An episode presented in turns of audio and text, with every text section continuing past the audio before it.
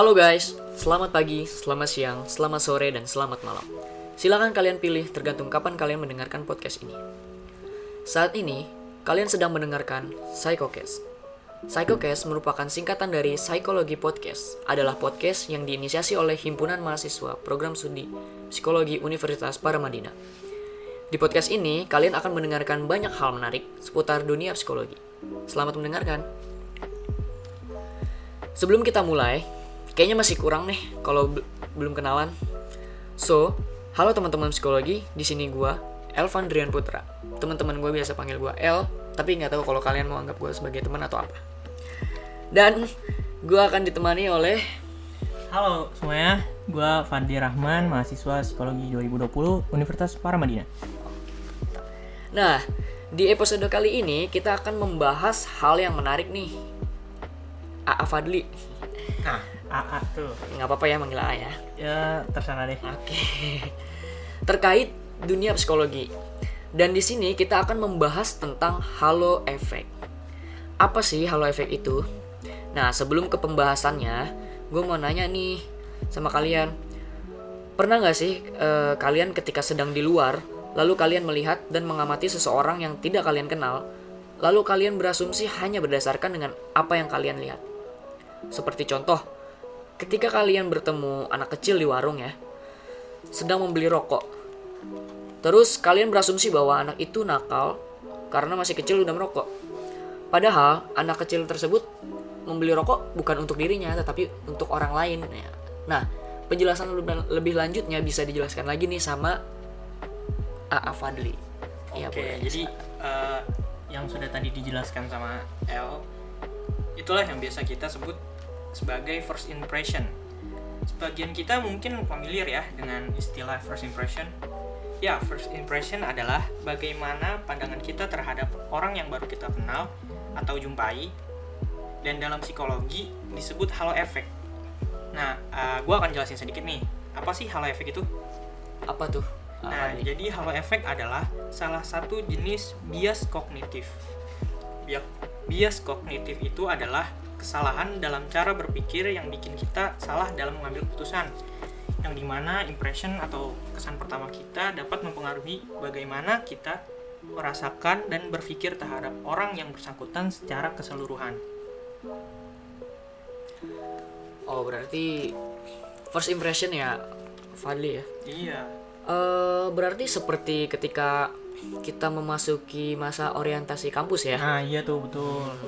Waktu itu sebagai mahasiswa baru di kampus, kemudian kita melihat mahasiswa senior nih yang merupakan panitia masa orientasi mahasiswa yang tengah mengarahkan ke sekelompok mahasiswa-mahasiswa yang baru dan pada saat itu sikap friendly yang ditunjukkan oleh para panitia yang merupakan sekelompok senior pada saat itu menjadi first first impression bagi kita gitu ya Iya betul. dan berhasil membangun kesan bahwa para senior yang bertugas tersebut adalah sekelompok orang yang sangat ramah dan suka membantu sesama gitu. Jadi eh, walaupun kita melakukan secara daring ataupun online ya pada saat itu, tetapi tidak menutup kemungkinan ada first impression di antara kita. Nah berarti fenomena itu ber- eh, yang dapat kita sebut sebagai halo efek ya. Iya betul banget nih El. Nah di sini gue juga mau ceritakan sedikit lah ya, bagaimana asal usul sejarah dari halo efek ini. Nah boleh tuh. Nah supaya kita lebih paham lagi mengenai halo efek ini, kita eh, bakal pelajari dari akarnya sampai ke langit ketujuh. Waduh tinggi banget dong ya. Gak usah terlalu tinggi-tinggi. Iya bercanda. lah. Oke, Nah, siap. jadi halo efek ini pertama kali ditemukan itu oleh salah satu tokoh penting dalam ilmu psikologi, yaitu Edward L. Thorndike di tahun 1920-an. Dan dapat dikatakan bahwa halo efek ini termasuk penemuan yang tidak sengaja. Oh tidak sengaja ya penemuan betul. ini tuh. Ah, jadi pene- penelitian ini em, dilakukan yang di mana melibatkan para petugas kemiliteran sebagai subjeknya ya. Oh iya iya. Iya.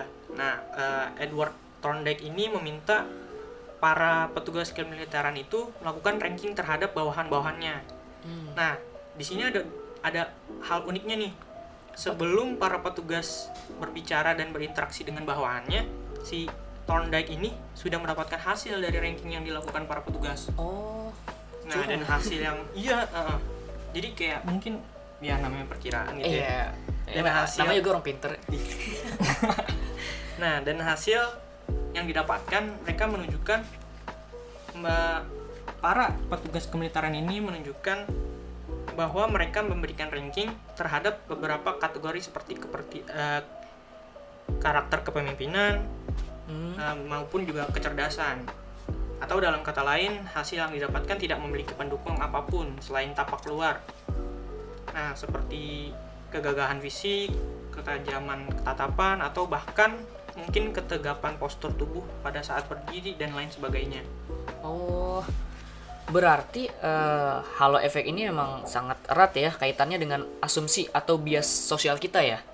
betul Dan berasosiasi dengan apa pun yang terlihat eh, dengan mata tampak keluar orang yang bersangkutan, gitu ya. iya betul. Apa yang ia lakukan saat kita melihat mereka atau appearance-nya yang kemudian mempengaruhi pandangan kita secara keseluruhan terhadap orang itu. Karena ya tentu aja sih nggak selalu benar dan akurat gitu karena asumsi-asumsi yang muncul dalam diri kita terhadap orang yang kita lihat ya tentunya hanya berdasarkan apa yang kita lihat dan tanpa adanya interaksi sosial yang lebih gitu untuk mendapatkan asumsi-asumsi tersebut. Betul banget nih El. Nah, maka dari itu halo efek ini bisa memberikan dampak positif maupun negatif tergantung dengan bagaimana asumsi instan atau spontan kita terhadap siapa pun. Nah, di sini mirisnya itu halo efek ini dapat menjadi bibit dari mindset atau pola pikir yang close minded gitu loh. Nggak open minded ya. Iya, jadi kayak contoh tadi itu yang El eh, jelasin di awal kayak anak kecil beli rokok. Nah, ya Nah, itu kita nganggapnya dia bandel ya, kayak gitu. asumsi negatif ya. Iya, betul. Nah, berarti eh, maka dari itu ya, Bung Fadli kita harus mengetahui tentang batasan-batasan diri. Mm-mm. Nah, eh, mungkin kira-kira ada nggak sih beberapa antisipasi untuk meminimalisir halo efek negatif ini? gitu? Berhubung halo efek negatif ini kan sangat relate itu dengan kehidupan sehari-hari. Ada, tentunya ada. Karena di sini ya kita berbagi masalah dan juga pasti kita harus menemukan solusinya juga. Betul sekali. Nah, kalau dari kita cara pertama yang paling mudah itu adalah membalikan asumsi itu kepada diri kita sendiri atau kayak eh, memikirkan sudut pandang dari orang yang kita asumsikan tersebut. Hmm, Nah, dan juga kayak eh, eh, tanamkan pada mindset kita jika orang itu adalah saya, saya pasti akan kecewa atau tidak suka jika Iya. orang lain berasumsi terhadap saya. Seperti eh, asumsinya yang bisa konotasinya negatif. ya, betul betul. Karena hal itu tidak benar kan? Hmm. Nah, dan juga ada satu lagi nih, kalau kita eh, biasanya sih mindset ini benar-benar mindset yang eh, manjur banget sih kalau saya bilang ya. Hmm, apa tuh? Heeh, jadi kalau kadang kita suka berasumsi kalau ada orang yang lebih tua, ada yang lebih muda gitu kan, ada yang bisa eh, banyak hal-hal yang dari kita lihat, mungkin contoh tadi anak kecil Iya. ya kan, dia beli rokok, nah padahal dia lebih muda, kita belum tahu, kita belum sosialisasi dan selain sebagainya. Nah tanamkan mindset seperti ini. Jika kalian bertemu orang yang lebih tua daripada kalian, tanamkan pada mindset kalian orang itu lebih dulu berbuat baik daripada kita. Sedangkan saat uh, kita bertemu orang yang lebih muda, tanamkan mindset bahwa uh, orang tersebut uh, eh kita lebih dulu melakukan keburukan daripada orang yang lebih muda tersebut. Oh, gitu. Iya, tentunya dan memberi label atau membuat asumsi yang tidak berdasarkan bukti apa pun tanpa adanya sosialisasi atau interaksi dengan orang yang bersangkutan adalah tindakan yang sangat salah. Kemudian jika memang merasa sulit membuat asumsi negatif terhadap orang lain tidak lagi bisa dihindari karena bias kognitif itu eh, terus melabui pikiran kita ya cobalah untuk membuat kemungkinan-kemungkinan lain yang bernilai positif dari apa yang kita lihat Hmm, guna menghindari bias kognitif yang tidak seharusnya dilakukan. Iya. Jadi perlu banget nih kita semua tahu bias kognitif adalah wajar terjadi karena manusia memang terlahir dengan tendensis atau kecenderungan-kecenderungan akan keyakinan moral atau sosialnya masing-masing. Dan muncul asumsi negatif jika dihadapkan dengan sesuatu yang melanggar atau berbeda dari keyakinan-keyakinan kita adalah hal yang wajar. Maka dari itu, belajar menjadi pribadi yang lebih open mind dan menghargai sesama karena setiap individu itu adalah unik dan berbeda. mengetahui bahwa setiap orang juga memiliki nilai-nilai pribadi dan asumsi pribadi adalah tindakan yang paling bijaksana untuk hidup bermasyarakat. Oke, siap. Jadi gitu guys, antisipasinya untuk menghindari halo efek negatif. Dan jangan lupa eh, untuk tanamkan mindset yang tadi gitu. Jika kita bertemu dengan orang yang lebih tua, eh, tanamkan mindset kita bahwa orang itu lebih dulu melakukan kebaikan daripada kita. Sebaliknya kalau kita bertemu dengan yang muda, ya tanamkan mindset juga bahwa eh, orang yang lebih muda itu eh kita lebih dulu melakukan keburukan daripada yang lebih muda itu. Semoga ya kalian dan gua tentunya ya bisa mengaplikasikannya di real life gitu ya. Ya gua juga ya. Nah, semuanya harus ya. Iya sih. Nah, ngomong-ngomong tentang halo efek ini nih, gue mau nanya sama AA Fadli nih. Aduh, AA lagi. Berhubung AA Fadli ini mahasiswa psikologi 2020 Universitas Paramadina dan sama dengan gue dan sekelas juga malah ya. Iya nih sekelas nih. Nah, bisa dikatakan kita juga masih termuda di kampus ya, Fadli? Eh, nggak tahu deh kalau Iya, itu. masih termuda di kampus karena angkatan 2020. Oh, Belum ada iya. yang 2021. Oke, oke. Nah, gue mau nanya gimana sih first impression lu sama gue waktu pertama kali lu lihat atau kenal gue gitu. Boleh kan sharing-sharing dulu Oke kita? ya, Oke, ya. mantap. Eh, jangan eh, kita sharing dikit nih ya. Untuk first impression gua terhadap L ini, kalau kalian mungkin nggak tahu karena kalian cuma dengar dari podcast ini.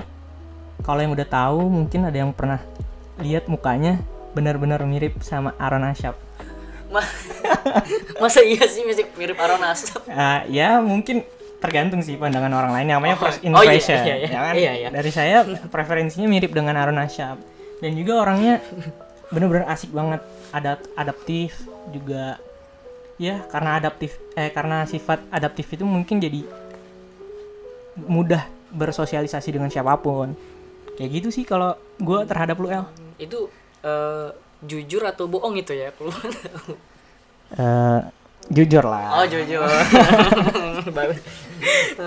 Ah kalau bohong berarti nggak boleh bohong lah ya nggak boleh bohong lah, nggak boleh bohong. Nah, berarti kalau itu kan tadi lu nanya nih ke gue ya. Gue pengen juga tuh pak tahu nih first impression atau halo efek lu terhadap gue gitu. Waduh. Nih mau dijawab jujur atau bohong nih? Jujur lah. Iya. iya.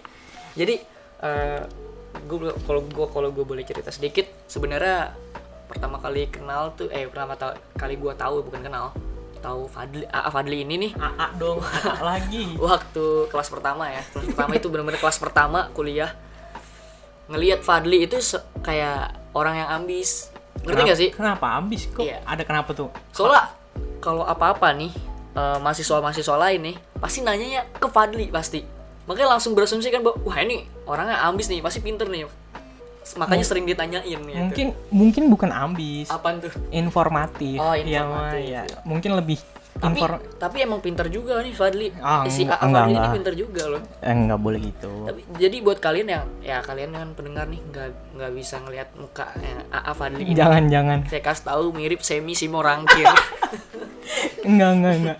mirip Semi Simorangkir ya kan apa ya? El kalau El bohong suka bener. Nah, mirip Semi Simorangkir bener. Tapi ya, ya gitu. eh, Alhamdulillah sih asumsi gue sama lu nggak negatif gitu karena ya gitu langsung berasumsi bahwa lu orang yang ambis dan pinter.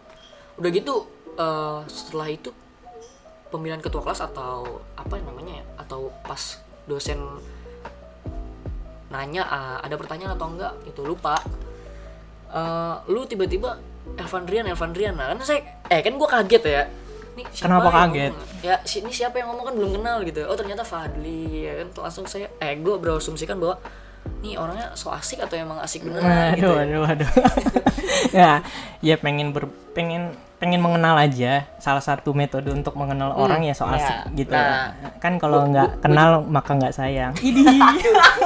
aduh aduh Aduh. ya gue gue juga baru pikiran kayak gitu sih Eh, mungkin dia emang asik orangnya ya udah gue coba pas udah deket nih lama-lama emang asik orangnya gitu Dan akhirnya jadi teman ber- ngobrol di podcast. nah iya akhirnya jadi teman buat ngobrol di podcast Iya. gitu tapi emang seru nih Nah, betul. Apalagi L. ya nggak ada lagi ya cukup kalau eh, bohongnya sih ba- eh, kalau buat bohong sih segitu aja. Tapi kalau jujur nih kalau mau ngomong jujur banyak gitu nggak bisa Aduh, aduh, aduh, udah cukup, cukup. nggak bisa diutarakan gitu. durasi.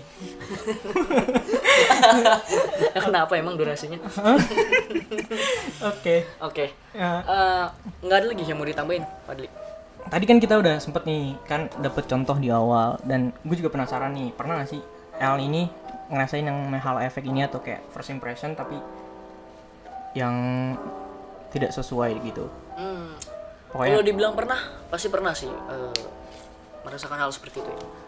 waktu itu kalau nggak salah gue lagi main nongkrong di kenapa tuh? gitu pagi-pagi gue pagi-pagi udah main nah Waduh, jam berapa tuh paginya itu pagi banget sekitar jam Ah. 6 jam setengah tujuan oh iya iya. pokoknya ada apa gitu waktu itu nah ngelihat bapak-bapak Mm-mm. ya kan tahu kan bapak-bapak eh, yang suka apa? Kenapa tuh? Yang pagi-pagi eh, pakai sarung suka ny- mandiin burung Uh-uh, sambil kenapa? ngopi sambil nyetel dangdut. Uh-uh. nah. Apa tuh emangnya Gua- ada apa yang salah dengan itu? Nah gue langsung berasumsi kan bahwa ini bapak-bapaknya pasti pengangguran gitu. Oh, kenapa? masalahnya bukan nggak tua-tua banget soalnya Oh. bapak-bapaknya. Nah itu asumsi negatif gue sebenarnya itu emang salah kan kita nggak boleh langsung berasumsi Oh. seperti itu sama orang. Hmm. tapi kan itu dulu. Udah gitu gue ya tau lah gue dulu kayak gimana. Gimana tuh? Nggak tahu deh. Temen baru ya udah jangan dibahas lah ya. Iya jadi asumsinya langsung oh ini pasti pengganggur pengangguran nih bapak-bapaknya Hmm. gitu. Soalnya pagi-pagi gini kan bukan sabtu minggu masalah hari biasa gitu. Oh. harusnya dia kerja atau ngapain gitu. Soalnya nggak tua-tua banget masih muda juga gitu bapak-bapaknya. Hmm. tapi mandiin burung nyetel dangdut gitu. Sebenarnya ya nggak boleh nggak boleh kayak gitu sebenarnya. Kan kita belum berinteraksi dengan dia dan kita juga nggak kenal sama dia gitu. Mm-mm. gue nggak kenal sama dia juga tapi ya itu sih yang pernah gue Eh, rasain juga. eh, tapi kenyataannya. Nah tapi kenyataannya ya nggak tahu kenyataannya kayak gimana. Tapi kan bisa aja kalau Oh, iya. bapak-bapaknya itu lagi libur. Oh betul ya kan? betul iya. Bisa aja lagi libur atau baru kena PHK oh ya bisa aja. Oh iya mungkin Ya. pan- karena pandemi ini ya. Hmm. Hmm, betul. Itu ya segitu aja sih dari gua. Mungkin eh, lu juga pernah ngerasain pasti kan? Sebenarnya kalau boleh jujur sih mungkin orang berpikir aneh ya tapi kalau gua sendiri belum pernah sih. Iya jadi gue belum pernah tuh yang namanya eh, berasumsi mungkin negatif terhadap orang gitu baru padahal baru ketemu. Karena pernah ya? iya karena yaitu dari kecil saya gue diajarkan oleh orang tua gitu. Bagaimanapun orang eh, pasti selalu ada alasan di baik di balik eh, perilakunya dia itu. Hmm, jadi dan juga kita nggak boleh lah menilai kayak gitu apalagi sampai mengungkapkan gitu kan. Iya, nah betul, mengungkapkan dari hasil asumsi kita. Hmm. itu kan jatuhnya bi- bisa jadi fitnah. Nah dan itu juga gue sering banget berpikir bagaimana kalau gue yang ada di posisi orang yang dia diasumsikan seperti itu. Iya Ya, pasti kan kayak nggak enak banget ya kan? Hmm, nggak enak banget emang Hmm, kalau kayak gitu ya cukup lah dari gua. Hmm, berarti emang dari awal emang udah diajarin ya kalau gua iya, kan enggak gitu. Ya beda aja kita berarti. Segitu aja ini ada tambahan la- lain mungkin yang Eh, di kalau dari- sharing sharing gitu? Nah kan kita dari posisi pandemi gini ya. Oh iya. Heeh, jadi kita kan eh, apalagi semua serba virtual ya kan? Kita juga maba pernah eh, eh, menurut El sendiri dari pandemi ini bisa nggak sih terjadi banyak halo efek gitu di pandemi kayak gini kan? Kita banyak nggak bisa ketemu langsung bersosialisasi langsung. Bisa. Bisa. Karena ya gua ngerasain sendiri yang gua rasain ke lu gitu. Oh. Nah, walaupun kita lihatnya secara virtual gitu melihat Fadli uh, on mic Fadli on cam. Nah itu kita udah bisa berasumsikan bahwa Fadli itu gimana gitu karena karena kita lihat itu secara visual. Jadi ya- Hmm. ya nggak menutup kemungkinan kan tadi gue bilang bahwa kita bisa berasumsi asumsi iya betul Asumsi banget. Ya, setuju sama El tapi emang bener kan? Bisa jadi. Tergantung mindset Fadli orang-orang. gimana menurut Fadli? Tadi kan udah gue jelasin Oh, gue nggak kayak gitu. Nah, yaudah mungkin ada El mau ditanyakan lagi? Udah sih cukup. Iya. Oh Fadli iya. cukup juga udah sih kayak udah terjawab semua tadi kan dari obrolan kita Oke. Kalau gitu, oke guys. Jadi segitu aja pembahasan kita pada episode kali ini mengenai halo efek. Jadi eh, bisa gue tekankan lagi ya bahwa halo, halo effect ini berarti salah satu jenis bias kognitif yang di mana impression atau kesan pertama kita dapat mempengaruhi bagaimana kita merasakan dan berpikir terhadap orang yang bersangkutan secara keseluruhan. Dan tadi juga sudah diberitahukan bagaimana kita menghindari halo efek yang negatif. Nah, gue pengen ngucapin ngucapin banyak terima kasih nih pada para pendengar setia dan juga sama AA Fadli karena iya karena udah mau nemenin kita dalam pembahasan halo efek ini gitu. Nah, Masih banyak. Hmm, mungkin terakhir gue pengen ngasih sebuah pantun ya untuk para pendengar gitu. Pantun nih. Iya. Oke. Itu boleh nggak nih? Oh, boleh banget nih. Eh, begini mana? Ambil pisau buka ketupat. Cakep. Sayur lodeh boleh campurkan. Mantap. Kalau ada ilmu didapat, mohon untuk diamalkan. Sekali lagi. Sekali lagi terima kasih banyak untuk semuanya. Oh ya, kalian bisa follow Instra- Insta- Instagram Himapsi UPM untuk hal menarik lainnya. Itu ya, Himapsi UPM. Follow up and stay connected. Bila taufiq walhidayah. Wassalamualaikum warahmatullahi wabarakatuh.